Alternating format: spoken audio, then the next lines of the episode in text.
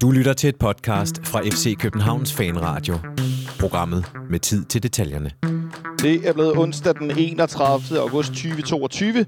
Det danske transfervindue lukker ved midnat. Klokken er blevet 20.00, og du er tunet ind på denne live-udgave af FC Københavns Fanradio. Velkommen indenfor. Mit navn er Jonathan Folk, og jeg sidder bænket med gode venner af Fanradioen her i parken på hjørnet mellem A og B, på tribunen, som vi plejer, nemlig i FC Københavns Fanklub. Og jeg skal starte med at takke FC Københavns øh, hvad hedder det, fanklub for at huse os. Og netop i dette sekund, og hvorfor er det, vi optager? Netop i dette sekund bliver det offentliggjort, at FC København har erhvervet sig Christian Sørensen fra Viborg, og han har fået nummer 6.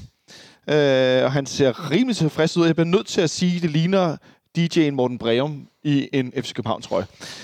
Nå, øh, jeg skal også lige præsentere dagens øh, øh, andre, øh, hvad skal man sige, personer her i podcasten. Til højre for mig sidder dagens øh, producer med øh, hele tre skærme og en øh, mixerpult og øh, et, et mikrostresset blik i øjnene. Martin Oransen, kan du vinke, Martin? Martin vinker. Det mest stille vink, man kan vinke. Øh, jeg har tre gæster i dag øh, som skal øh, sammen med jer derude guide os igennem afslutning af øh, transfervinduet. Til venstre for mig sidder dagens første gæst, Mathias Holm Stenstrup. Sagde jeg det rigtigt den her gang? Stenstrup. Stenstrup, det magter jeg simpelthen ikke. Det er utroligt. Nej, det kan jeg godt forstå. Øh, det er ikke så flot. Det skal der ikke. Øh, Mathias, hvad glæder du dig allermest til de næste fire plus timer? Uh, jamen, jeg glæder mig til at, at finde ud af, hvor truppen står øh, i morgen. Og det, ja, jeg, jeg er meget, meget spændt på, hvilket humør jeg skal køre hjem i i nat. Fordi at øh, lige nu, der er det hele lidt oppe i luften. Øh, så ja, det må være det, jeg er mest spændt på. Ja. Det er nemlig rigtig spændende. Dagens øh, anden gæst Nikolaj Sten Møller. Jeg kommer til at kalde dig Nikolaj, jeg kommer til at kalde dig Spøge. Velkommen til. Tak skal du have. Hvad, øh, hvad frygter du mest for de næste plus fire timer? Øhm, pff, jeg ved ikke rigtigt, om jeg har så store, store forventninger, så meget frygt, så meget... Øh, ja, det ved jeg sgu ikke. Det, øh, jeg frygter mest, at jeg måske falder i søvn på et tidspunkt, fordi lige nu virker det som om, at øh, der ligesom er lagt op til en stille aften. Ja. Skal vi, skal vi ikke satse på, at vinduet ikke er blevet lukket med den her transfer? Ej, vi har jo stadig ikke fået Cornelius bekræftet. det, det er jo, så. men problemet med vinduer er jo, at øh, de, de står åbent, så man både kan komme ind og ud af dem. Øhm, det, det, det kan godt bekymre mig en lille smule, men det kan selvfølgelig godt være, at, øh, at alle salgen bliver gemt til i morgen, fordi som vi sikkert kommer ind på, når vi skal snakke om, om teknikken i det hele, så, øh, så skal vi jo købe ind i dag, men øh, vi må godt sælge til udlandet i morgen. Ja. Det er nemlig noget, vi skal tale om senere. Det her lidt mærkværdige transfervindue, der lukker i Danmark et, et døgn før i langt de fleste andre ligaer, hvilket jo umiddelbart kun kan tænkes som værende en, altså en ikke-fordel. Øh, som en ulempe for de danske klubber og for os selv, for den sags skyld.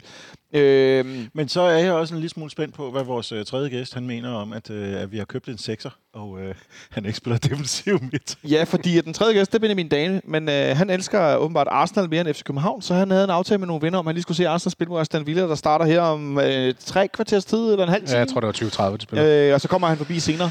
Øh, Udover det, så har vi også et god gammel ven af fanradioen, Gisle Thorsen, med på en telefon til dig, øh, til en snak om øh, status i FC København og det danske transfermarked generelt, og sådan, øh, hvordan det ser ud. Øh, og så tænker jeg også, der kommer til at ske øh, ja, ting og sager i løbet af aftenen. Men inden vi når så langt, så øh, er det jo sådan, at vi ikke har optaget i mandags. Vi har ikke lavet nogen nedtagt for den her fantastiske tur, der var nogle fans, der havde til Farum i søndags. Så hvis du ikke allerede har snittet din håndled eller kastet ud fra altanen, så bliver vi altså nødt til lige at starte med en optag for den her kamp i, øh, i Farum. Efter den, så kigger vi lige øh, frem mod fredag, hvor vi skal spille herinde i parken mod Silkeborg. Den her gang ikke kl. 21, men kl. 19. Øhm, bare lige for at få rundet de her ting af, som, øh, som er foregået, skal foregå om lidt, og så skal vi nok gå over til at tale mere bredt om transfermarkedet. Men inden vi når til den her optag, så synes jeg lige, vi skal vende Christian Sørensen, nu er blevet præsenteret. Han er Øh, blevet præsenteret med en kontrakt, der løber 3,5 år fra nu, Ja, til til udgangen af 2025. Så 3,5 år kontrakt. Vi har snakket om, at øh, Carlos Sækkers, øh, hvad hedder det, øh, øh, fysik, som måske ikke var så stærk, Mathias, øh, som man kunne håbe på. Øh, selvfølgelig manden har lige været til skade i en million år. Ja. Øh, han, når han er god, når efter han er kommet tilbage, kan vi se, at han er tilbage på niveau, men han kan ikke spille så meget, som han har kunnet tidligere, i hvert fald ikke endnu. Nej. Han har for øvrigt fødselsdag i dag, hvis jeg Ja, ikke tager ja, fejl. han er fylder 34 34. dage, så tillykke. Øh, øh, hvad hedder sådan noget? Felicidasos. Det var lidt spansk-portugisisk, jeg ikke Åh. kan. Øh, Compleaños. Carlos. Har du nogensinde hørt det her? Nej, det var plat. Øh, men, men i hvert fald har vi nu fået øh, den her, øh, hvad hedder det, øh, sekser. Men det er jo ikke en sekser. Nej, det, det går jeg ikke ud fra. Altså, han har jo i princippet spillet midtbanen øh, før øh, Næstrup, som det jo det hører jo med til historien, at det var faktisk Næstrup, der omskolede ham i Viborg-tiden fra midtbanespiller til vensterbak. Ja. Og nu er han så tilbage hos Næstrup igen, så øh, altså jeg vil sige, i, i, øh, i artiklen, der kommer fra FCK.dk, der, der bliver han også beskrevet som vensterbak, og en, der kan gardere på vensterbak. Så der er ikke lige umiddelbart noget, der ligger op til, at han også skulle være købt til på en eller anden måde også skulle gardere på midtbanen. Men det er da i princippet en mulighed, selvom det ikke er noget, jeg lige umiddelbart tror. Øh, men det er da lidt, øh, hvis man havde gået og håbet på en sekser, uagtet hvem man eventuelt måtte have håbet på, så er det da lidt øh, nedslående, at nummer 6-tallet så bliver taget nu. Der, Ja. havde, der var der nok nogen, der havde regnet med, at ville blive sat på en, en decideret sekser. Er der nogen af jer, der har et, øh, en, øh, hvad skal man sige, øh, en favoritspiller i, i forhold til mærkeligt nummer? På placering af en eller anden spiller, der har haft et helt skørt nummer. Øh, Mølle, har du? Jeg, jeg synes jo, på samme position var det, øh, altså udover at det er et nummer, man giver til teknisk stærke spillere, så var det jo nok lidt upassende, at Niklas Jensen spillede med nummer 7 som vensterbak. Det er, det er en højre vings klassiske nummer, hvis vi skal blive den slags, øh, den Ja. ja. slags øh, sådan arketyper. Udover det, så øh, øh, fortæller Copenhagen Sundays andet godt. For øvrigt, så skal jeg lige huske at sende skud ud til, til Sundays og til alle de unge transferdrenge, der er i øh, Roskilde, i Kastrup, rundt om parken, øh, hvor de ellers er hen øh, for at holde øje med, om der kommer øh, noget ind, øh, som jo også sender, øh, sender live. Og Kvart i Bold, der har stort, øh, jeg ved ikke engang, det må næsten være et video, øh, øh, live show fra, øh, Ja, det tror fra jeg. øh, old, Det tror jeg. old, old English, Old Irish, jeg er ikke sikker. Men i hvert fald øh, fedt, at der er så meget gang i den. Sunday skriver nemlig på deres Twitter, at FC København præsenterer kl. 20.30 to nye spillere for pressen. Øh, og de skriver fint for Sundays. Vi regner med, at det er Andreas Cornelius og Christian Sørensen. Nej, så der nåede du også lige at sætte mit håb i gang. Ja. Øh, men i hvert fald, øh, jeg tror stadig, min yndlingsspiller med mærkeligt nummer placeringsmæssigt, det er Zinedine Zidane med nummer Ja, 5 i Real det er også ham. Og den anden, jeg har, det er ikke fordi, at han som sådan er en yndlingsspiller, men jeg kan bare huske altså Morgian, der spillede med nummer 3 i ja, også angrebet. Det var noget mærkeligt noget. Nå, men vi har i hvert fald købt en spiller mere. Øh, Spillede, uh, undskyld, ja, var kom. det, var det Mihailovic, der spillede med, med nummer 11 i centerforsvaret? Ja, det gjorde han i en lang periode. Mihailovic, der for øvrigt har lavet fr- frisbaks hat for Lazio. Ja, Det kan man finde det har på han hat- nok. Det kan man finde på YouTube.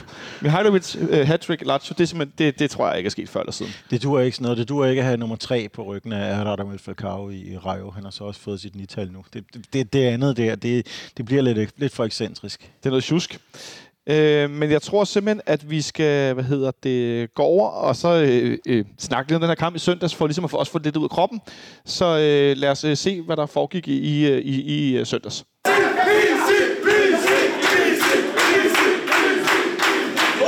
Og intet til at sende os øh, til farmen, som, øh, som PC. som David Rutola var i omklædningsrummet i Trapsatsborg.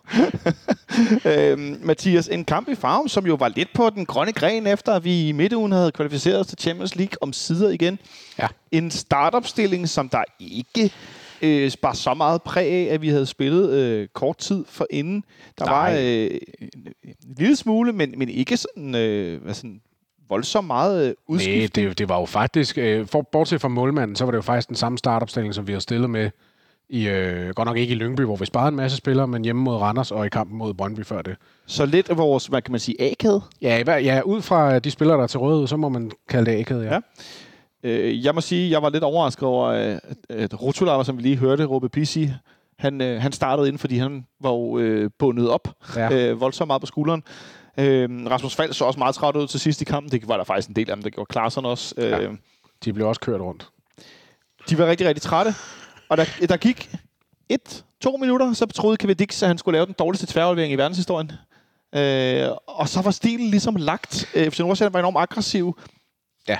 Og øh, Jamen, gik i meget højt pres. Ja, og det gjorde de, og det gjorde de jo rigtig godt. Altså, de, de havde helt sikkert læst os. De havde læst på, le- eller læst os. De havde læst på lektion, og de udførte deres planer. Det skal de selvfølgelig have alt muligt ros for. Det er, det er, ikke, sådan, det er ikke sådan, det skal være.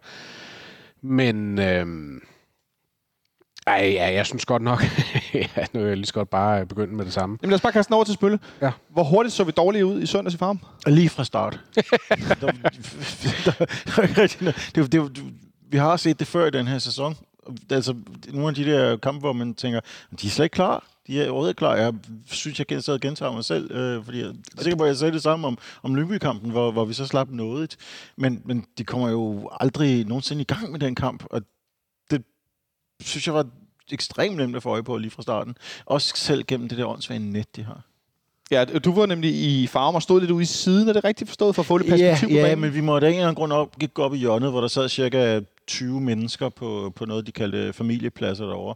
Og, og godt for dem, fordi så kunne de se lidt rundt om det der fuldstændig latterligt tykke, sorte net, som de, de har hængt op. Men, uh, Også kendt men- som uh, Brøndby-nettet. ja, men vi kunne ikke komme til at vi kunne ikke komme til at stå udenom det, og så derfor så vi hele kampen igennem, og man ser jo latterligt dårligt.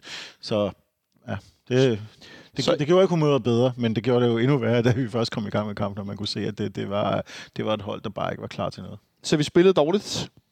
Du kunne ikke se noget. Øh, fik du, nej, du fik ikke sol i øjnene, vel? Så skal man stå over i den anden side af indtribunen. Øh, nej, øh, solen øh, glimrede heldigvis ved sit fravær det meste af kampen, så det var ikke noget stort problem. Jeg har prøvet at stå der sådan nogenlunde midt bag målet, eller lidt til højre fra bag målet, så når du kigger mod, mål, mod banen, hvor solen har stået på, og øh, altså det der net simpelthen bare forhindrer altså, nærmest alt udsyn. Øh, det er en meget bizarre oplevelse. Det gjorde jeg faktisk, da vi tabte øh, 3-0 derop for nogle år siden, hvor Peter Ankersen fik et dumt rødt kort, og jeg ved ikke hvad. Øh, øhm, men Mathias, øh, vi starter med at give dem nogle chancer. Vi ser rigtig dårligt ud. Vi spiller ikke rigtigt. Vi presser øh, højt, men sådan halvhjertet. Ja, ja, altså ja, øhm, om det er halvhjertet eller ej, det, det skal ikke være dom, men det er i hvert fald skævt, og det er forkert. øh, nej, men det er som om, at, at, at i nogle kampe, der rammer vi vores pres rigtig, rigtig godt.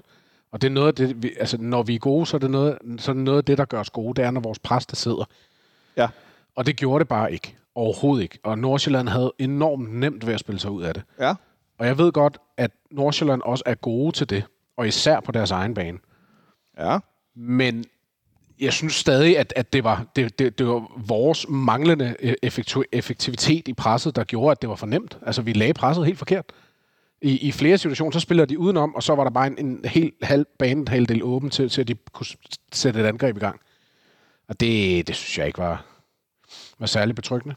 Vi starter også øh, kampen under et voldsomt pres. Jeg så kigger på Superliga.dk's øh, oversigt over øh, spilfordeling, og det ser virkelig sløjt ud. Altså det, vi er presset i bund i, i det første, den første periode, og der går jo heller ikke synderlig lang tid, så øh, kommer vi bagud. Efter 25 minutter. Nej, 11 minutter. Og 11 minutter, undskyld jer. Øh, Andreas Schellerup, som jeg ved, altså, som vi jo ved, at Ståle Sobakken prøvede ihærdigt at få til København, og han fik jeg sagt på et tidspunkt lidt lakonisk, ah, det, han er måske ked af, hvad han har valgt nu. øh, han fortæller efter kampen, eller jeg tror det er efter kampen, at han får fortalt, at det er en afslutning, han har lavet mange gange til træning, og nu lykkes den endelig i kamp. Det er et ret godt mål. Det er rigtig godt. Nå, men altså, jeg synes jo, Ryan er pris, prisgivet der. Ja, han kan ikke noget, og det, det siger jo også noget, når den går via stolpen og ind. Altså, den, den sidder, som den skal.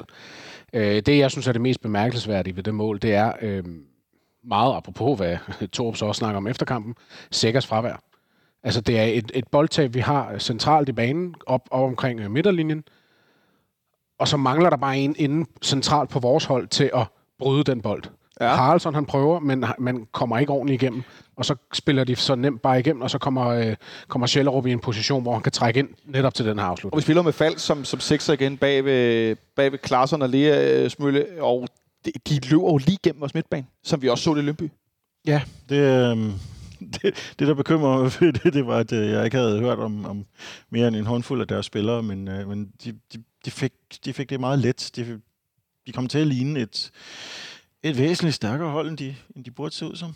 Fordi, ja, jeg ved det ikke, jeg, jeg stod og blev sådan lidt modløs efter, efter ganske kort tid, og, øh, og stussede over, hvad det egentlig var. Om det var, om det var taktisk, eller om det var træthedsproblemer, eller, eller hvad det egentlig var, eller om der var mangel på interesse. Det var, øhm, det var virkelig let, og det var, øh, det var jo allerede billigt sluppet, øh, at det kun stod 2-0 efter den der halve time, der, der, gået, der, der var gået på det tidspunkt. Øhm, at, ja. Og de, de, de, de, er spaceret, de er spaceret igennem. Det, det, det, det, det, er ikke- det er ikke nogen dyb øh, analyse. Nej. Det var bare en, en, en let kamp mod en uh, modstander, der kom til at ligne øh, Brasilien på, øh, på, en, på en, ja, faktisk kan vi vel kalde for, dansk, for et dansk mesterhold, en billig baggrund. Og øh, det der 200-mål, Mathias, det ligner jo cirkus. Ja, ja det gør det. Altså, det, øh, det, det ser jo lige så nemt ud som det første mål, og det, jeg har svært ved at forstå det. Altså, når man tænker tilbage på det forår, øh, FCK præsterede, defensivt. Kamp efter kamp efter kamp efter kamp, hvor vi ikke lukkede mål ind, eller måske lukkede et mål ind. Det var jo meget, meget, meget få mål, vi lukkede ind. Generelt det hele sidste sæson, men især i foråret. Og det var altså med Falk som sekser. Så jeg har meget, meget svært ved at forstå, hvad det er, der gør, at vi lige pludselig er pivåbne, når han spiller den dernede. Altså, der er jo, der er jo jeg ved godt, der er den forskel, i hvert fald fra starten af foråret, at han havde så lærer og, og Stage liggende foran sig, som selvfølgelig hjælper til på det. Det, det medgiver jeg. Men Stage var ude hele øh, grundspillet, eller hvad hedder det, undskyld, hele øh, mesterskabsspillet. Ja. Øh, eller i hvert fald de sidste otte kampe, tror jeg det var. Så det er hele to kamp. Han er ude. ja, lige præcis. Så jeg har meget svært ved at forstå, hvad det er. At, altså, der er jo et eller andet taktisk, man har, man har ændret på. Man har måske gået lidt mere offensivt til værks ved at have Havkon slash Klarsson liggende inde på den ene 8. Og det ligner man lidt skævvrider den der midtbane, så sådan en 8 nærmere bliver lidt en 10'er. Så det bliver sådan en, en, en skæv trekant på en måde. Det har selvfølgelig også en effekt bagudrettet, men, men jeg har simpelthen svært ved at forstå, hvorfor vi pludselig er så pivåbne gang på gang. Og, og som jeg også sagde, mod Lyngby var det jo det samme. Der var vi også, altså de spacerer lige igennem, stå, får man i hvert fald fornemmelsen af. Og det, øh, det, det har svært ved at blive klog på, hvad, hvad, hvad det er, der lige gør det. Altså det er de samme spillere hele vejen rundt, det er det samme forsvar. Det er, altså, ja, Falk, sjovt nok også det samme på positionen. Det er den samme taktik, overordnet set i hvert fald, selvfølgelig med, formodentlig med små modifikationer. Men det er bare verdener fra det hold, vi så i foråret. Og det, det har jeg meget, meget svært ved at forstå. Og kan vi, øh, men kan vi, kan vi foregribe det en lille smule, så er det jo også det, der gør det frustrerende. Så hører vores cheftræner snakke om, at der mangler ledelse. Altså, det er et hold, det lykkedes ham at vinde DM med. Det kan ikke være Jens Dage, det alt sammen kommer ind på, fordi til spillede han ikke særlig meget. Og derfor så, øhm, så bliver det jo en, en anelse... Øh, det udstiller ham jo selv, øh, en, eller mere, måske mere end en anelse, at øh, han står og fremhæver det, fordi jeg synes jo heller ikke nødvendigvis, at lederskabet fra, fra bænken var specielt stærkt. Øh, Vi, øh, skifter to mand, vi skifter to mand i pausen. Øh, for, øh, og skifter øh, opstilling. Skifter ja. formation, hedder Yes. det selvfølgelig. Øh, vi tager Lukas Lea ud fra Kalamoko og tager en ekstremt dårlig spillende Mohamed Darami ud fra Valdemar Lund. Og så går vi over i en Ja, 3-5-2, når vi Ja, angriber, det vil, jeg, jeg det vil jeg kalde det. En 3-5-2, ja. Øhm, og det øh, kaster absolut intet af sig. I hvert fald ikke til at starte med. Ikke andet end, at øh, FC Nordsjælland, for, øh, som jeg øh, så, og også fik det forklaret, både i tv og efterfølgende, forkert. Et mål er annulleret for hold på bolden. Ja, det kan jeg stadig simpelthen... Det havde jeg lidt godt, du siger, det havde jeg glemt. Det kan jeg slet ikke forstå, hvordan Nej. det bliver annulleret. Det skal ikke annulleres, fordi at, at den situation, hvor han rammer hånden på bolden, ja, hvordan er det reglen er? Åh, oh, ja, oh, okay. Og der der fik udstiller jeg du mig så. Det, det er smølle, du skal have det. Øh, nej, men jeg har ikke, øh, jeg har i virkeligheden ikke set... Det kan jeg øh, faktisk jeg godt ikke- forstå. Jeg har, ikke, jeg har ikke set situationen, udover da vi stod op på, på stadion. Der ser det ud, som om han rammer sin egen hånd. Øhm, Altså, den rammer det- ham jo egentlig på armen. Altså, så- der har jeg hørt noget med, at det er noget med under armehulehøjde. Så kunne jeg alligevel godt lidt regel, nu var jeg lige to ja. Sammen. Så under armehulehøjde, der rammer han den på armen. Øh, Martin Frese, som hætter den. Eller, det gør han jo så ikke, men ham, der, der forsøger at hætte den. Han rammer den egentlig på sin arm, men den arm, den er helt ind til kroppen. Ja. Øh, og dernæst, så er der så også noget med, og hvor der, der, der forsvinder min, øh, min, øh, øh, min viden om, om reglerne, men det, så rammer den faktisk en anden spiller. Ja. Og så er det vist noget med, at så burde det ophøre uagtet. Det er i hvert fald ikke forsætligt, Nej, øh, ja. så det skal ikke dømmes. Og øh, de var meget hurtige i kommenteringen, og meget klare til at sige, jamen, det er forkert. Mhm. Mm. Altså, det, det er simpelthen... Øh, og efterfølgende, det var på Discovery, der viste kampen, og jeg så også i, i onside, at de også meget fint lagde den ned, og fortalte, hvordan reglen var i forhold til, hvad der var dømt, og det var simpelthen ikke rigtigt. Meget bizart. Øh, så de får annulleret et mål, men det forhindrer dem jo ikke i at fortsætte at være øh, bedst i kampen. Vi prøver os frem. Vi skifter også øh, Kevin Dix ud med Elias Jægert, efter Dix har været voldsomt frustreret øh, og øh, begået nogle lidt åndssvage frispark og lænet sig ind i at få, få noget kort og noget. Ja. Øh, altså, det er, det, det er sådan en lidt, lidt underlig kamp. Øh, så bliver Kutsulava taget ud efter 71 i stedet for øh, Mukairo. Øh, vi har stadigvæk ikke været farlige på det her tidspunkt. Nej.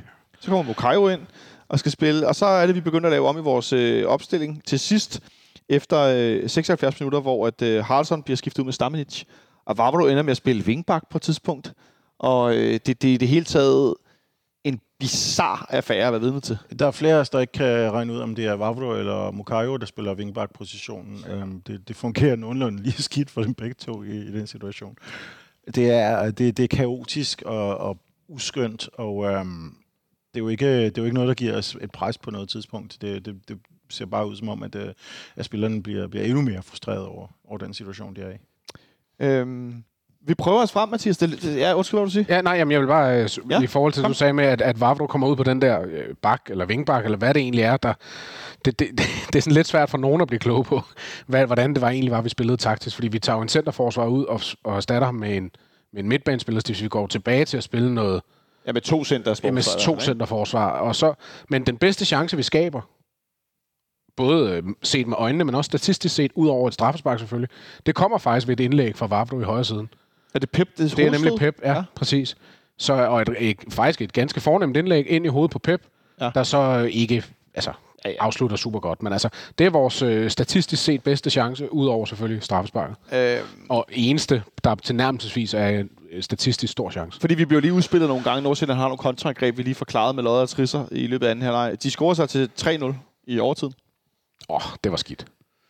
Det, det er virkelig, virkelig, det er Ja. virkelig dårligt. Det minder lidt om øh, Viborg ude. Ja, det gjorde det faktisk. Altså, og der, der fik man sådan en, øh, eller det gjorde jeg, jeg fik sådan en, en kollapsfølelse Ja. af, at, at øh, VK står langt bagud i forhold til resten af forsvarslinjen, i en position, hvor han burde have ret godt overblik over forsvarslinjen. Øh, Stamenic, han glemmer fuldstændig, at han faktisk har en mand, han skal dække op, og derfor så efterlader han en anden mand, mener jeg, der er fuldstændig fri, som kan få den der, øh, desuden en rigtig fin bold fra Lasso, mener jeg, der er. Lasso Koulibaly. Det, det, altså, der, der er tingene gået op, gået op i ligningen fuldstændig. Fuldstændig opligning. Øhm, så får vi det her straffespark til sidst, som Pep så scorer på. Øhm, og så taber vi kampen 3-1. Øh, lad os lige vende tilbage til Vavro, som laver et godt indlæg på et tidspunkt. Vi har jo set nogle gange også, øh, jeg kalder det ikke for sjov, men herinde i parken også raid op på højre siden, og så ende med at spille øh, sådan højre ving, og så tilbage igen i midterforsvaret. Mm. Øhm, han siger jo efter kampen, når han bliver spurgt, hvad er det for en, en kamp eller en præstation, han siger, it's shit. Og så bliver han spurgt omkring det her taktisk, og så siger han selv, eller også bliver han spurgt om, så siger han selv noget med forklaring, at I play position I never played before.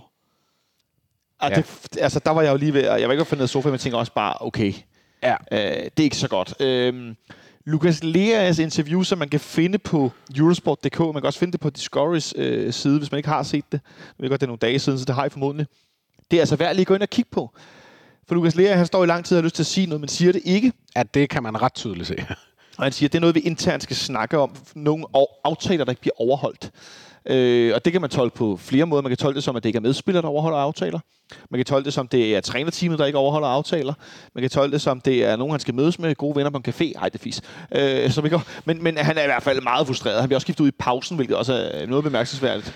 For jeg synes faktisk øh, langt fra, han var den dårligste. øh, Nej, nej. Den første halvleg. Øhm, Jamen, så- han har måske også været træt. Øhm. han har måske også været træt efter øh, kampen i Tyrkiet. Øhm, Men jeg vil sige, det jeg synes er bemærkelsesværdigt, det er, at nu nævner selv det der med at overholde nogle aftaler. Han starter med at sige, som jeg husker, så starter han med at sige, at der, er, at der var noget i det, det, var det, det taktiske oplæg, han formulerede. Så der var et eller andet omkring, der, var- der var noget, noget taktik, der ikke spillede. Og så siger han så efterfølgende det der med, at der er nogle aftaler, der ikke bliver overholdt, og det holder vi internt og det skal, vi, det skal vi tale om internt. Det skal vi tale om internt. Jeg synes, det, og det, jeg havde svært ved, jeg fik ikke opfattelsen af, at det var fordi, at der var en spiller, der ikke lige gjorde, hvad de havde aftalt. Nej. Så retter man ind. Ja. Ja. Altså, jeg fik klart opfattelsen af, at, at det var noget større. Ja. Altså, hvad det lige er, det er jo selvfølgelig svært at, at begynde at sidde og gætte på, men, men jeg havde ikke følelsen af, at, at det bare lige var nogle spillere, der ikke gjorde, hvad vi aftalte, for så havde man rettet det ind. Altså, i pausen, eller undervejs i kampen, eller et eller andet den stil. Men det var en ting, Smølle. Så var der interview med vores cheftræner, Jes Torup. Oh, jeg har faktisk ikke set det. Jeg havde prøvet Nej. at undgå det. Det kan jeg faktisk godt forstå, fordi det var tokrummende pinligt øh, øh, at høre ham fortælle om, at vi mangler ledere i truppen, når Sækker ikke er der. Det hørte jeg. Ja. Og, og grunden til, at det er øh, en meget tvivlsom udtalelse, i hvert fald for mit vedkommende, er, at Sækker ikke var der 10 måneder, hvor han ikke taler om, at vi mangler ledere. Og så har Sækker været tilbage på kampen nu, og så mangler vi ham, når han ikke er der. Øh, jeg, jeg kan simpelthen ikke få det puslespil til at gå op. Jeg Ej. kan ikke, jeg har prøvet siden søndags, jeg kan ikke få den konklusion til på nogen måde give mening. Nej, jamen, det er alt, alt, alt, alt for tyndt. Altså, at- en ting er at begynde... Jeg kan i princippet godt forstå, at han smider holdet under bussen. Generelt set. Det kan jeg som sådan godt forstå. Ståle gjorde det også nogle gange. Nogle gange øh, kan jeg godt forstå, at man som træner føler det som en nødvendighed. Fordi du er fuldstændig magtesløs. Altså, jeg kan ikke gøre noget, når de alle sammen bare er vage på den måde. Men Ja. når han begynder at tage sækker ind i ligningen, der, der, der går det fuldstændig galt for mig. Fordi, at, som du også lige siger, manden har været ude i 10, i 10 måneder. Vi har spillet øh, defensivt og taktisk struktureret godt i lang tid. Så kan man snakke om det offensivt, men øh, defensiv og struktur, og struktur, det har fungeret længe. Du lige pludselig har spillet to kampe plus en indskiftning i Lyngby med Sækker, og de to kampe, det er altså forsvarskampe, som ikke er, som sådan er at sammenligne med en standard Superliga-kamp så knækker filmen fuldstændig, når han begynder at sige, at det, det er kun ham, og vi kan ikke uden ham, og, og han er den eneste leder, vi har. Det, det er... Det, det. Jeg har svært ved at forstå, hvad det er, han vil have ud af det. Ja. Og jeg tror også, at øh, spillerne har svært ved at forstå det. Jeg vil i hvert fald bare sige, øh, øh, jeg vil faktisk godt sende en lille ros til Astrup. Fordi nu vi tidligere kritiseret ham for, også her og andre, andre, i andre medier osv., det er den manglende øh, plan B. Og jeg skal love for, at vi i pausen af den her kamp forsøgte at gøre noget helt andet. Skifte to mand, skiftede formation kudos for det, at det så gav 0% afkast. Det er så noget helt andet. Øhm, det, det vil jeg faktisk gerne rose, fordi det, det viste alligevel noget, noget, noget, noget handlingskraft, eller hvad skal man kalde det.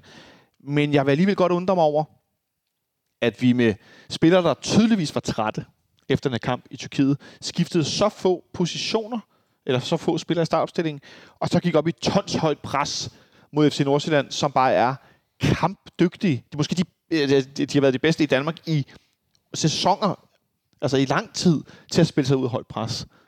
Og det, det, altså, man, kan gå, man kan få med kontrakæppen, og så kan man mm. gå ind i, jeg, jeg får lyst til at sige højpreskniven.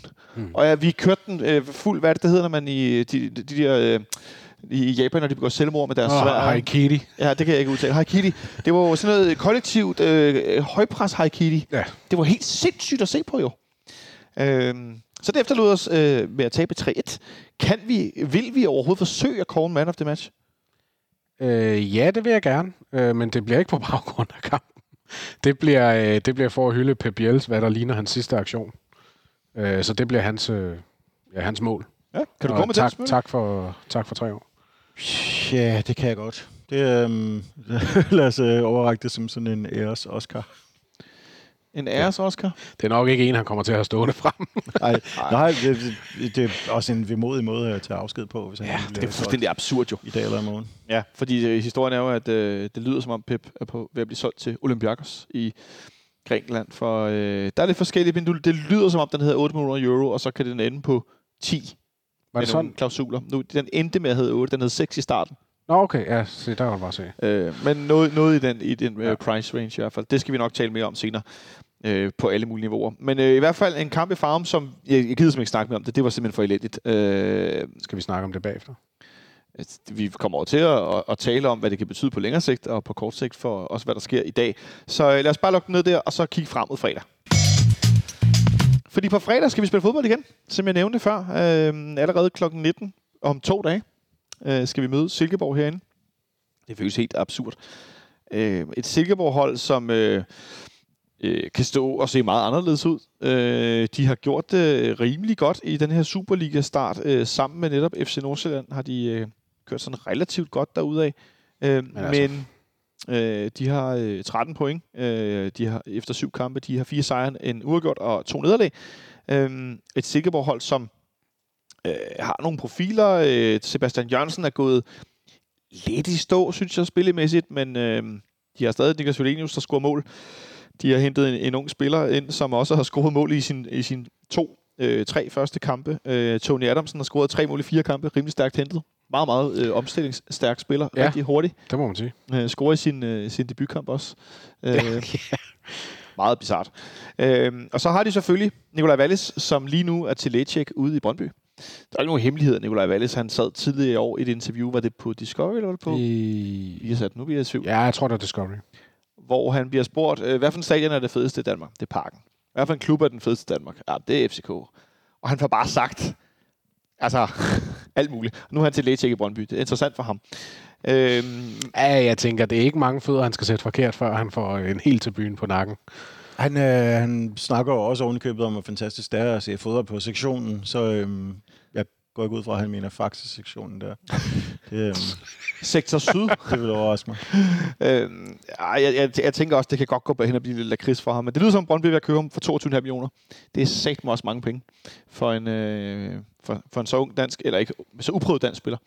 Øhm, Nå, men vi skal møde Silkeborg, øh, og hvis de sælger øh, Nicolai Wallis, så bliver der i hvert fald øh, taget et stort kort ud af deres øh, hånd.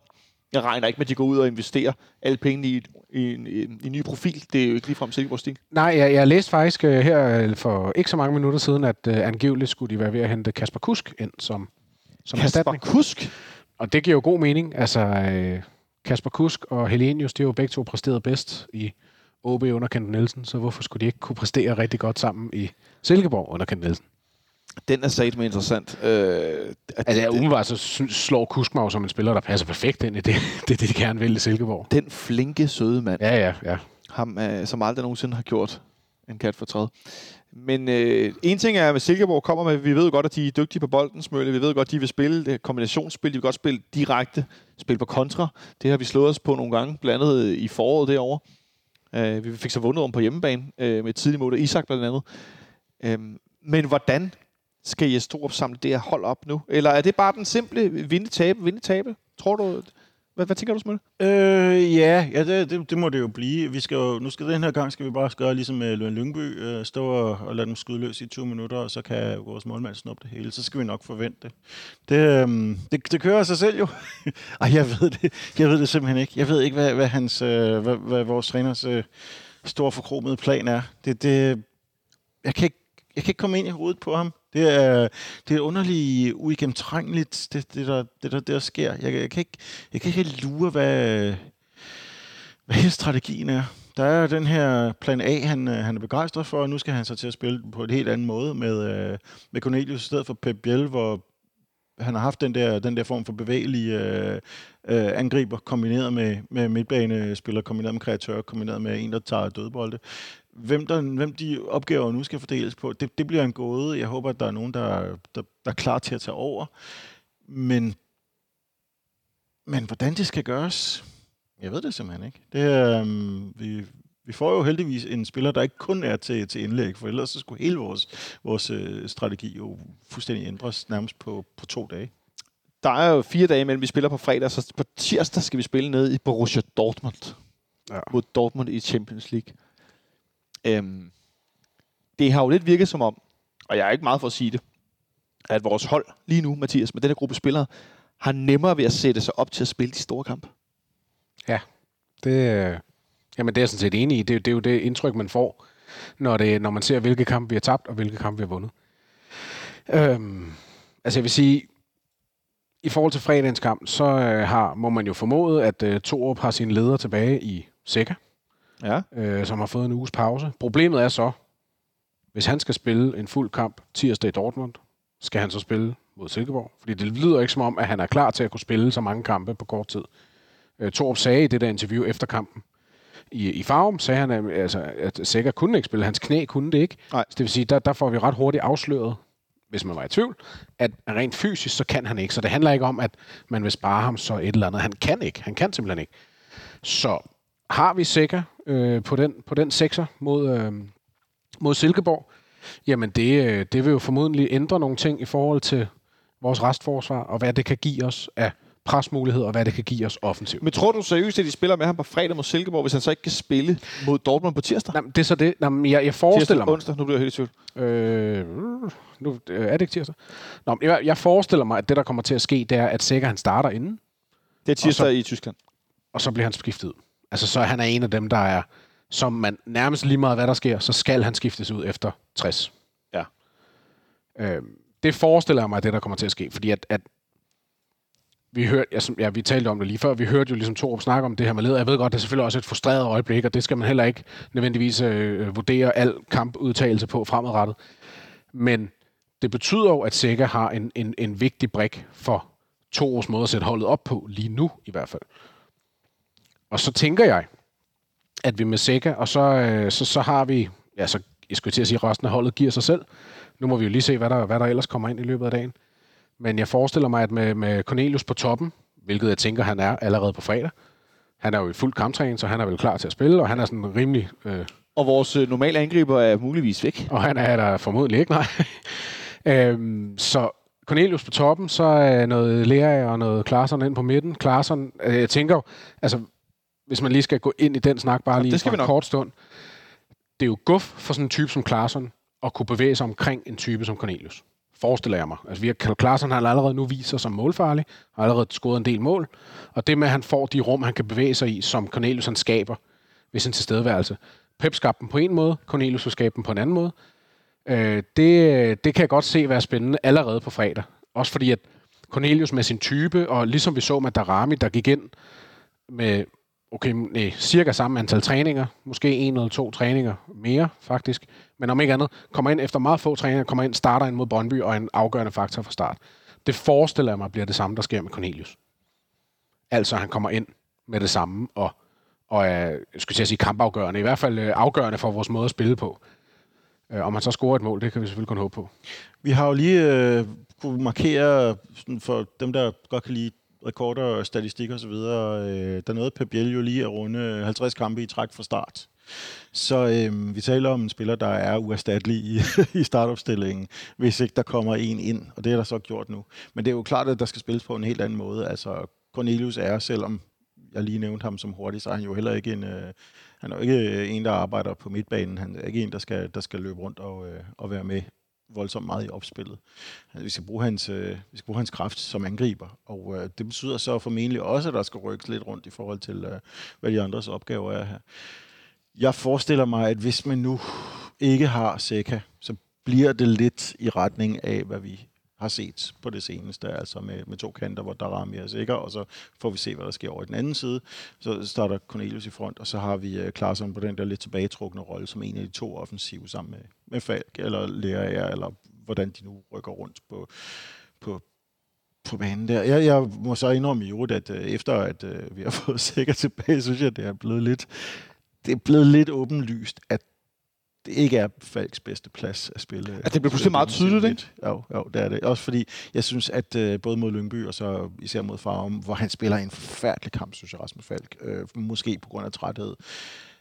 Måske på grund af manglende sammenhæng omkring ham, men han spiller i hvert fald en rigtig, rigtig dårlig kamp. Og, uh, og det betyder, at det, det er meget, meget let at spille, at spille rundt om ham i forhold til en, en lidt mere effektiv defensiv midtbanespiller. Og det er derfor, jeg i virkeligheden var en lille smule, øh, måske lidt bittersød at høre på i starten, hvor jeg sagde, at vi havde købt en sekser, fordi det var jo ikke rigtig den type sekser, man måske havde håbet allermest på.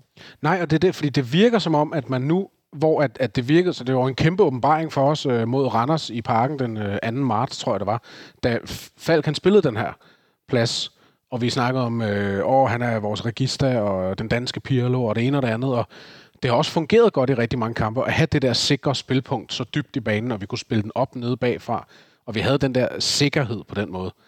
Men det er som om, at man med Sekas tilbagekomst har valgt, og vi taler også om det lidt før, har valgt at vende tilbage til, at sekseren skal være lidt mere oprydder, og, og mere, eller mere oprydder og mindre øh, boldspiller. Det er selvfølgelig ikke enten eller nødvendigvis, men det er som om, at der er blevet lavet nogle taktiske justeringer, jeg ikke er klog nok til at kunne, til at kunne pinpointe. Men det er som om, der er blevet lavet nogle justeringer, der gør, at Falk ikke fungerer dernede lige pludselig mere. Øhm, det, det synes jeg er irriterende, fordi jeg kunne, jeg kunne faktisk rigtig godt lide ideologien i at spille med Falk nede på sådan, altså med sådan en type spiller, som den bagerste spiller. Øhm, men det fungerer bare ikke. Altså de sidste, de sidste kampe, vi har set, der har, der har det simpelthen ikke fungeret. Øhm, og, og det er man nødt til, og det er man nødt til at adressere. Altså så, hvis man vil spille med en opryder, så skal man, skal, skal, skal man købe en, en Seca-type spiller nu her inden for de næste lidt over tre timer. Fordi at Seca, han kan jo øjensynligt ikke spille alle kampe, og det bliver han nødt til at kunne, hvis, hvis vi skal lykkes med at spille på den her måde. Ja, vi skal spille med større sikkerhed. Yes, jeg, jeg, afhold, jeg afholdt mig selv fra at sige det. Men, ja, men jeg, du ved, jeg er ikke noget bundniveau, når vi kommer til sådan noget. øhm, men, men, men Smølle... Altså, altså, altså Jonathan, en af, et af de mere ivrige og men urealistiske rygter, det er jo, at vi ville kunne komme til at spille med dobbelt sikkerhed, hvis man købte... Nej. Sekas gamle, Sekas, Sekas øh, landsmand, trekvart landsmand, øh, Sheka fra, øh, som er, som er på en free transfer for tiden. Så man staver øh, X-E-K-A. Tænk, hvis vi havde Seka og Seka. Det ville jo være fuldstændig... Altså en ting er nogen, der hedder Nielsen Nielsen til efternavn, men ja. Seka og Seka, det er jo fuldstændig håbløst. Øhm, altså, hvad, for, hvad forventer du dig af den kamp på fredag? Spørg Øhm, jeg forventer, at øh, samme øjeblik, at Silkeborg har, har sluppet øh, Wallis, så er de måske lidt, øh, lidt mindre offensiv. Øhm, jeg synes, det er lidt, jeg så af deres kamp mod OB, at øh, det var et hold, der måske var lidt kørt træt i deres, øh, i deres succes, og ikke rigtig, ikke rigtig øh, måske boblet efter deres lille europæiske eventyr og skulle spille midt uge. Og, Kan vi kalde det europæiske fiasko? og, og Er det for stort i forhold til Silkeborg? Ah, ja, nej, det, det synes jeg måske... Øh, Altså, man skal jo ikke være... Altså, der er mange hold, der ikke kan, der ikke kan slå sig igennem deres uh, usidede tilstand, vi, vi så. Vi Ja, så det er jo ikke- øhm, men, men det er ikke... Vi, vi har selv tabt til, til HJK inden for de sidste par år. Det, det kan ske, men altså det... Hvad, hvad jeg hørte om, jeg har ikke selv set noget af de kampe, men uh, jeg, jeg, jeg har meldt mig ud af torsdagsfodbold, så længe det overhovedet er muligt. Så, længe det ikke har noget med os at gøre. Så, så øh, Ja. nej, det, det skulle ikke have været øh, nogen specielt god indsats. Og det kan da godt være, at det her Silkeborg-hold er toppet en lille smule, og, og deres, øh, deres bedre folk skal til at videre, og deres, øh, deres næste række skal til at komme i gang. Øh, Mathias, øh, noget vi har talt meget om i, i, i jagten på den her ni, eller ønsket om at kunne spille i hvert fald, hvis ikke Pep altså så kunne ændre og spille med en, en stor angriber. Det er jo så det, vi formodentlig allerede fra på fredag kan se med Andreas Cornelius. Hvad tror du, det kommer til at betyde for vores spil? At vi nu har muligheden for at lægge en lang bold op på en, der kan lægge den af, og ikke bare lægge den diagonal til Lukas Lea, der går lidt frem i banen, som vi har set i nogle kampe med stor succes. Blandt andet mod, mod Brøndby her tidligere i efteråret, hvor han jo vandt overraskende mange hovedstødsdueller i den kamp. Ja. Det er nærmest stadigvæk bizarrt mange. Øh, at vi nu faktisk centralt i banen kan spille efter øh, en stor angriber. Vi kan lave indlæg mm. efter en, der ikke kommer løbende, men en, der er inde i feltet. Ja, men det, er- jeg er spændt på det, altså fordi at det er jo allerede noget, der er snak om nu, at, at Cornelius, det, han er jo også god som opspilstation, og du kan godt spille den op på ham, og han kan tage en bold ned og, og øh, holde en, altså ligesom få, få bolden på jorden og lægge den af til, til nogle af de spillere, der nu engang er omkring ham. Men han er jo ikke en Pep Biel med bolden i fødderne, trods alt. Altså, så vi, vi kommer over til at, at miste noget af det spil, Pep Biel han gav. Men så får vi jo så netop ikke bare en, en angriber i feltet, men vi får en, en stor, monsterstærk angriber i feltet, som du altid kan lægge den op på, som vil vinde, jeg har lyst til at sige 90% af alle sine dueller. Altså, han kommer over til at, at spise den ene forsvarsspiller efter den anden. Det, det ved vi. Øh, og, og det er jeg spændt på, hvad det kan give os.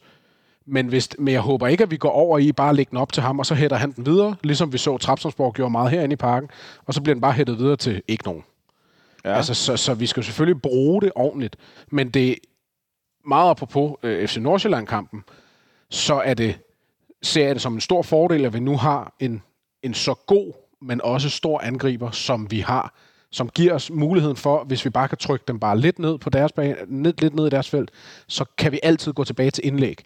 Det kunne vi ikke før, Nej, men det kan vi nu. De indlæg, vi kunne lave først, det var cutback-indlæg. Ja. Eller også kunne det være øh, meget sigtet, efter der kom en løvende på forreste stolpe, Lea kunne komme løvende, Pep kunne komme løvende. Nu kan vi faktisk også lave indlægget til den bagerste stolpe. Vi kan lave det høje indlæg. Det har vi også kunnet, men, men til hvem? Altså, øh, det ændrer vel også en, en del af dimensionen i forhold til, hvordan vi rent faktisk øh, kan spille. Det gør det, ja. Jeg er så dog spændt på præcis, hvordan det får kommer til at, øh, at tage sig ud. Men heldigvis så er så Cornelius så altid en, øh, en fodboldspillertype, at, øh, at øh, jeg, jeg ikke... Jeg kan forestille mig, at han får svært ved at passe ind. Altså, det var ikke, det var ikke ligefrem et, et klassisk kick and rush 4-4-2 hold, øh, vi så ham spille for, for et par mm. uger siden. Nej, og så er jeg også spændt på den dimension, der hedder, at nu, hvor vi, vi har snakket meget om mellemrumsspillere i, i FC København, og det har der været meget snak om, i, især i den her sæsonstart, nu, kom, nu, nu bliver det altså supp- suppleret af en rigtig angriber. Så jeg er spændt på, hvad det kommer til at give os spillemæssigt, at modstanderholdet og modstanderforsvaret nu får en angriber, de skal forholde sig til, Ja. decideret forholde sig til på den måde, og ikke bare kan lade gå ned i banen, og så holder vi bare vores zone her. Men nu kommer der til at være en, der presser dem hele tiden, som både gør, at de skal forholde sig til ham, og det forestiller jeg mig, kommer til i nogle sekvenser i hvert fald at åbne et rum inden i det her øh, midterrum, inden, øh, hvad kan man sige, mellem vores angriber og vores otter, hvor vi har en masse mellemrumspillere. Vi har nogle otter, vi har nogle kanter. Vi havde tidligere også Pep Biel. Øh, I princippet har vi stadig Pep Biel. Men det her rum, som vi har været rigtig glade for at spille i, og som vi har spillet rigtig meget, men hvor vi ligesom har manglet et alternativ til det. Jeg er spændt på, hvad det gør for det rum, at der er en decideret angriber nu, som kommer til at, at, at, at tvinge modstanderholdet til ikke bare at kunne lugte på samme måde. Må jeg ikke lige løfte dit humørsmølle? Rigtig meget. Jo. Martin Bradwaite har fået øh, ophævet sin kontrakt på Barcelona, skriver kontrakt Jo med en ny tak, klub jeg har, jeg har fået øje på det. Jeg, jeg, jeg, Det er 40 sekunder Ja, siden. jeg, jeg, jeg, skulle, øh, jeg skulle faktisk lige til at øh, sige, at øh, hvis vi nogensinde havde brug for en landsholdsduo, og lige havde for meget af hans lønkrav øh, fra den der fuldstændig umulige klub i Saudi-Arabien, han er på vej til øh, 30 millioner om året, eller sådan noget, hvis man har lyst til at smide det efter ja. Martin Braithwaite, så, øh, så er jeg sikker på, at han er frisk. Det er jeg også sikker på. Jeg, jeg husker jo Martin Bradley fortælle, at hvis man vil på landsholdet, skal man bare skifte til FC København. Så øh, hvis han stadig har lyst til at være en del af landsholdet, kan han jo bare komme nordpå, hvis der er noget på den front. Seriøst, seriøst, så ville vi da godt kunne bruge ham på holdet. Det, det, Ja, i Danmark vil han da være I super Danmark ville han være glemt. Ja. Er Han er jo på ingen måde kvalificeret til at, til at spille for, for Barcelona, og det, det er kun godt, at han, er- at han er kommet væk, og han, han skal have de penge med, han fortjener for det. Flere end han fortjener, ville nogen måske sige. Men- Men, men- men, men, men de penge, som, han, øh, som de skylder ham, selvfølgelig.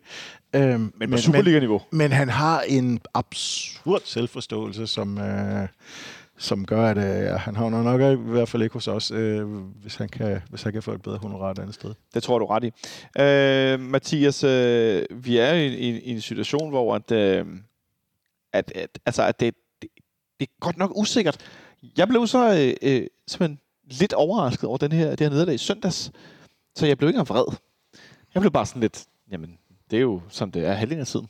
Øh, til, stor, øh, til stor chok for min kæreste, der var sådan lidt, du er ikke engang vred. Nej, jeg er bare sådan lidt, ja, resignerende.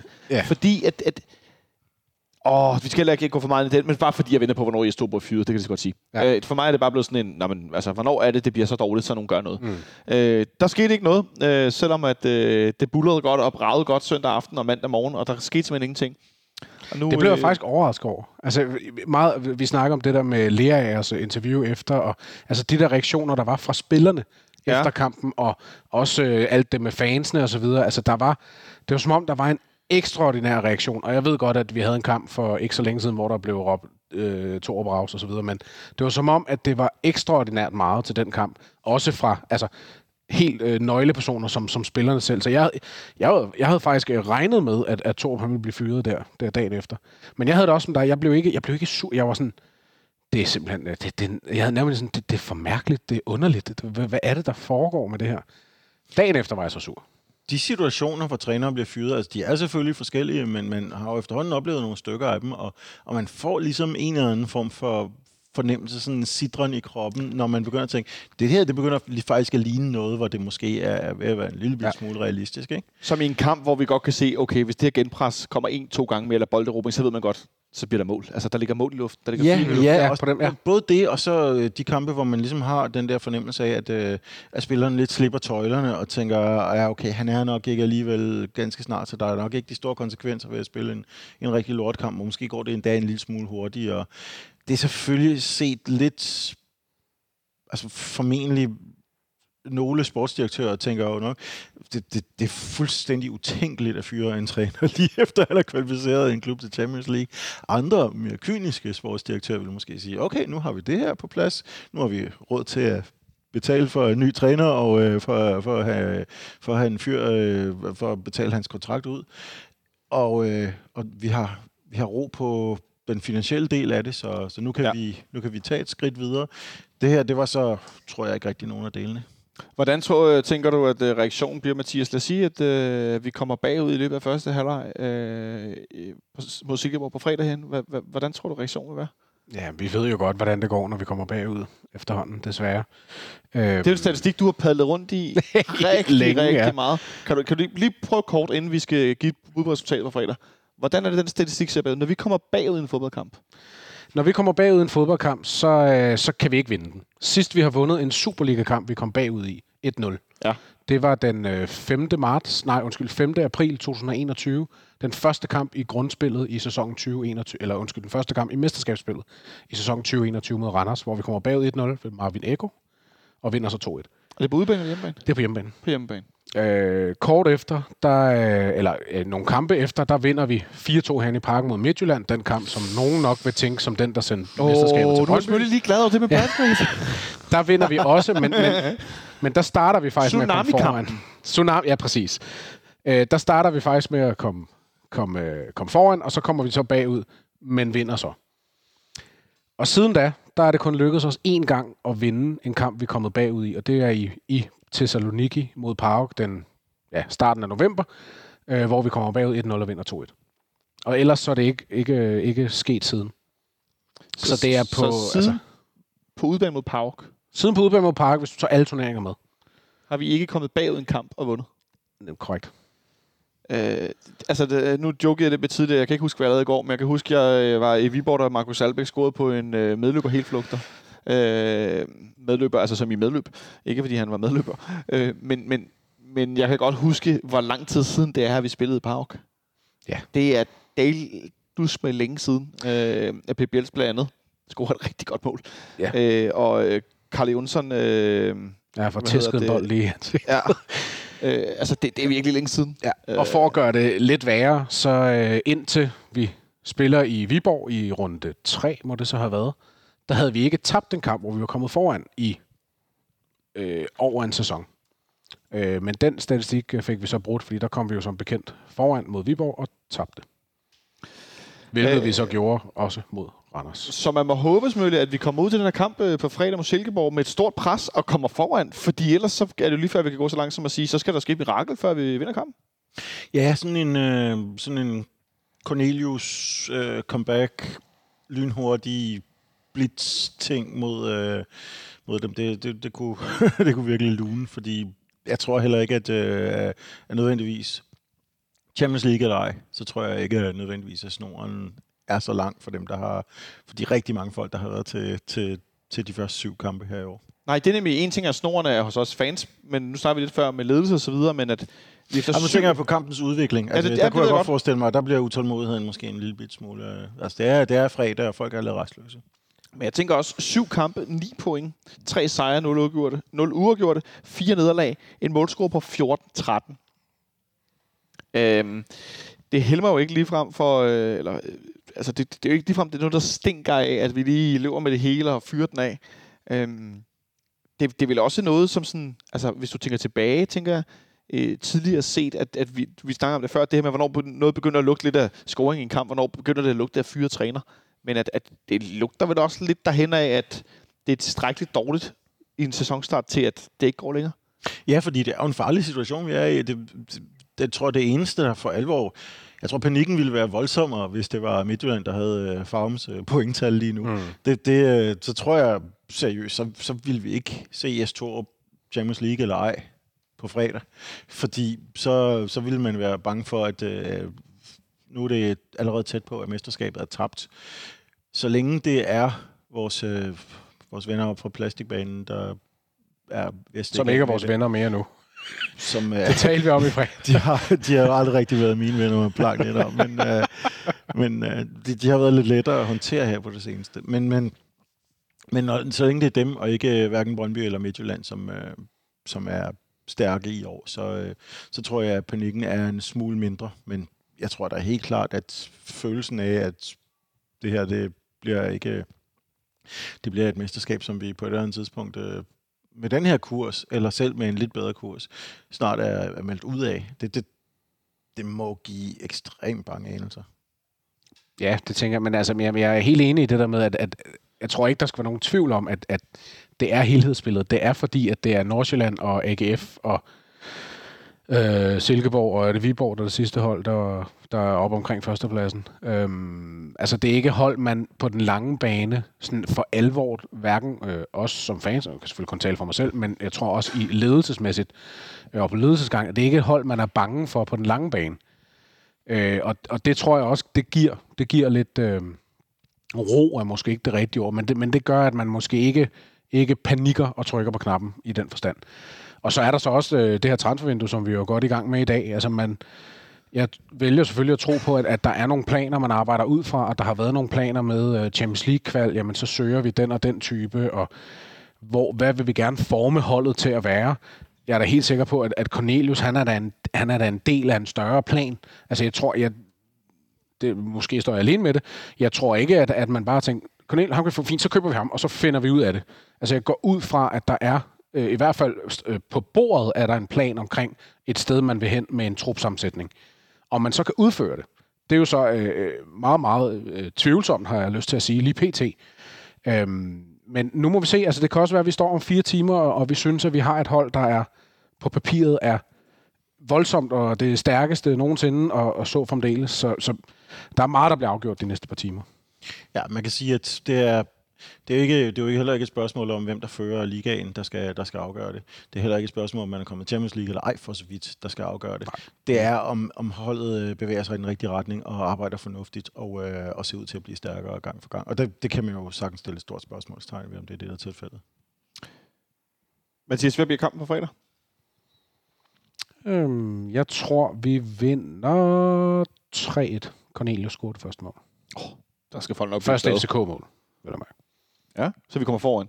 ja, det, ja, ja, ja det, det er vi jo nødt til. ja, det er vi nødt til. Mølle? Jeg tror også, at Cornelius scorer, men jeg, altså, altså, hvis han altså er, er klar, det, der ser jeg ikke nogen grund til, at han ikke skulle. Øhm, og jeg tror, at vi spiller 2-2 efter en livlig affære, og jeg tror, jeg går og pløder fuld hjem. Det sidste lyder ganske realistisk fredag aften. øh, dagens producer, Martin Oransen, hvad siger du? Du siger, vi taber 1-0. Så tror jeg, at huset brænder ned. Mathias, du markerer. Jeg vil bare sige, at jeg glæder mig helt enormt meget til at se Cornelius i den der hvide trøje igen. Og jeg glæder mig til at synge sangen og byde ham velkommen, og jeg håber, det bliver en, en glæde, vi kan tage med ind i kampen og kan bibeholde, så det ikke bliver øh, sådan noget, yes, det er super fedt det her, øh, ligesom til 30 års fødselsdag og alt muligt, og så siger det bare, så jeg håber meget på, at, øh, at han kan eskalere det hele. Nå, jeg kan se, der lige var nogle af jer, der mistede lyden et kort øjeblik. Øh, jeg kan forstå, at vi skulle være, øh, vi skulle være tilbage. I hvert fald hos de fleste. Øh, jeg tror for øvrigt, at øh, vi taber 2-1. Hey. Og øh, så, øh, altså, som sagt før, så tror jeg simpelthen, huset brænder ned. Øh, øh, jeg håber selvfølgelig, altså det skal jo sige, jeg håber, vi vinder alle kampe, men, men ja, jeg tror ikke på det lige nu. Giv os et par stærke indkøb til, så kan det være, at vi justerer vores forventninger til fredagens kamp. Det kan være, det ændrer sig i løbet af aftenen. Det kan være, at vi tager den, øh, når Benjamin også øh, kommer, øh, kommer om øh, halvanden times tid. Eller lov at beholde Pep, Biel ja. halvt år Men i hvert fald så får I lige et stykke musik øh, i en 5-10 minutter noget den stil, og så skal vi lige øh, have klippet den her del af udsendelsen ud for sig selv. Så vender vi stærkt tilbage med en status på transfervinduet, øh, og så, øh, så øh, ja, så står den kun på transfer fremad. Og det gør vi status på, og så har vi som sagt Gisle med på en telefon senere. Og så skal vi høre, hvor, hvor glad Benjamin Dane er øh, senere, når han kommer forbi os. Vi vender stærkt tilbage.